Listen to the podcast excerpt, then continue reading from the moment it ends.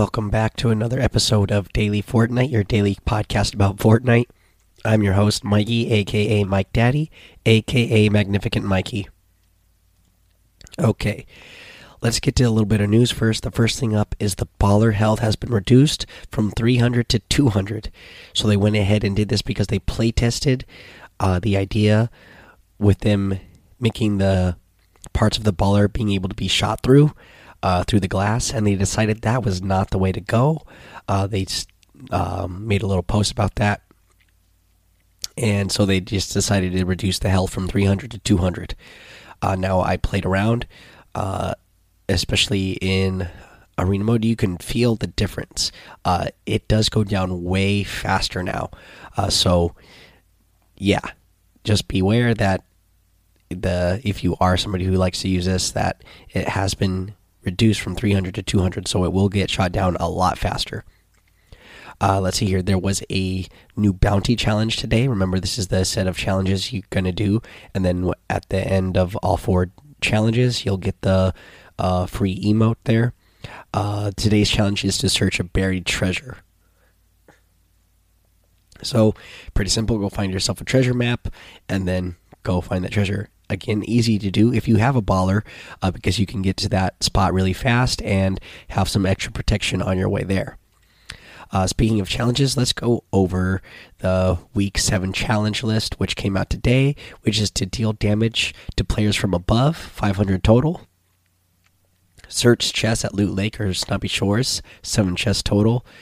Uh, you need to deal damage to others while riding a zip line, and you also need to deal damage uh, to others on a zip line. Not a fan of this challenge here just because I hardly ever use zip lines myself and I hardly ever see other people using them. So I have a feeling that I'm going to have a hard time getting this one done. Uh, but we'll see. Eliminate opponents in different named locations, five locations total.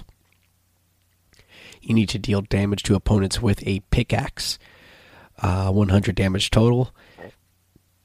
You need to visit uh, this is in stages. Uh, Junk Junction and the block. Uh, and then stage two is Pleasant Park and Dusty Divot. And then stage three is Happy Hamlet and Snobby Shores. Uh, you also need to visit pirate camps in a single match, and you need to visit three camps total. Uh, and that is all of your challenges for week seven. Uh, going to take a little break here. We'll come back, uh, go over the item shop, and our tip of the day. Okay, let's go over what's in the item shop today. In the item shop, we have the Kuno outfit. Uh, big fan of this one, as well as the Kenji outfit. This is all part of the uh, Falcon Clan set and the Quick Strike harvesting tool. Now, I like that they added a new item for the Falcon Clan set, and that is the Falcon Glider. And I like the way this one looks a lot. Uh, you know, really cool looking Falcon carrying a samurai sword. Uh, very cool, very cool. Like it. Uh, let's see here. Oh, it probably should read this description. It says, "Soar on the wings of the fabled falcon." Since that's a new item. Let's see here what we got. Uh, we also have the Verge outfit, the Clean Cut Harvesting Tool, and the Diverge Glider. Uh, you have the uh, True Heart emote, the Fillet Axe Harvesting Tool, the Scorpion outfit, the Dazzle outfit, the Slick emote, and the new uh, Bandage Wrap. Uh, so, you know, it looks like a bandage. It's also part of uh, the Falcon Clan set. So, pretty cool there. You know, I like the way it looks. Actually, it looks pretty cool on the different items there. Uh, let's see here. Guys, if you're going to get any of these items, I would highly encourage you to use that creator code Mike MikeDaddy, M M M I K E D A D D Y, in the item shop because it does help support the show.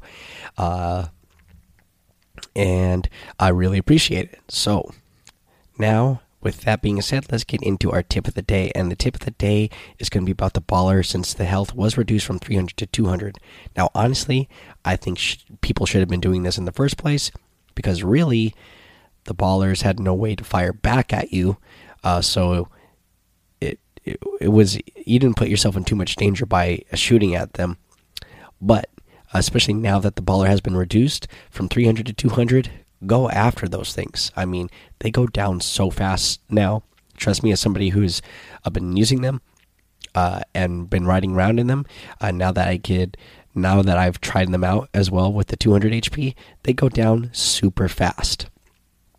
So, uh, if you see one in your area, shoot at it. It's you're gonna get it down pretty quick. Even if you don't destroy somebody's ball, you're probably gonna get it down, uh, you know, halfway pretty quick, and they're probably gonna try to dip out of there, uh, you know, and and get away and try to keep their ball safe.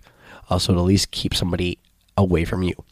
Now, if you are somebody who is used to being in the baller, be prepared uh, because your ball is going to go down and it's going to go down fast. Now, you're going to need to want to be ready to build because when your ball goes down, you're vulnerable. Uh, so you want to be able to. Uh, you want to build right away. That way, you can have yourself protected. Uh, because when you first come out of the ball, uh, I feel like there's a little bit of a delay there. You, you, the reaction time isn't very good uh, to be able to shoot back at somebody. They're already shooting at you, and then you're coming from a position where you can't shoot. So it's better to keep yourself defended uh, before trying to shoot back because you've you already don't have anything else protecting you once they've broken the ball. So put something else, put some you know some material up to protect yourself. Otherwise, you're going to go down fast as well. Alrighty, guys, that is going to be the episode for today. So go join the Daily Fortnite Discord. Follow me over on Twitch and YouTube, Mike Daddy on both of those places. Head over to Apple Podcast for a five star rating and a written review. You can get a shout out on the show. Uh, subscribe so you don't miss an episode. And until next time, guys, have fun, be safe, and don't get lost in the storm.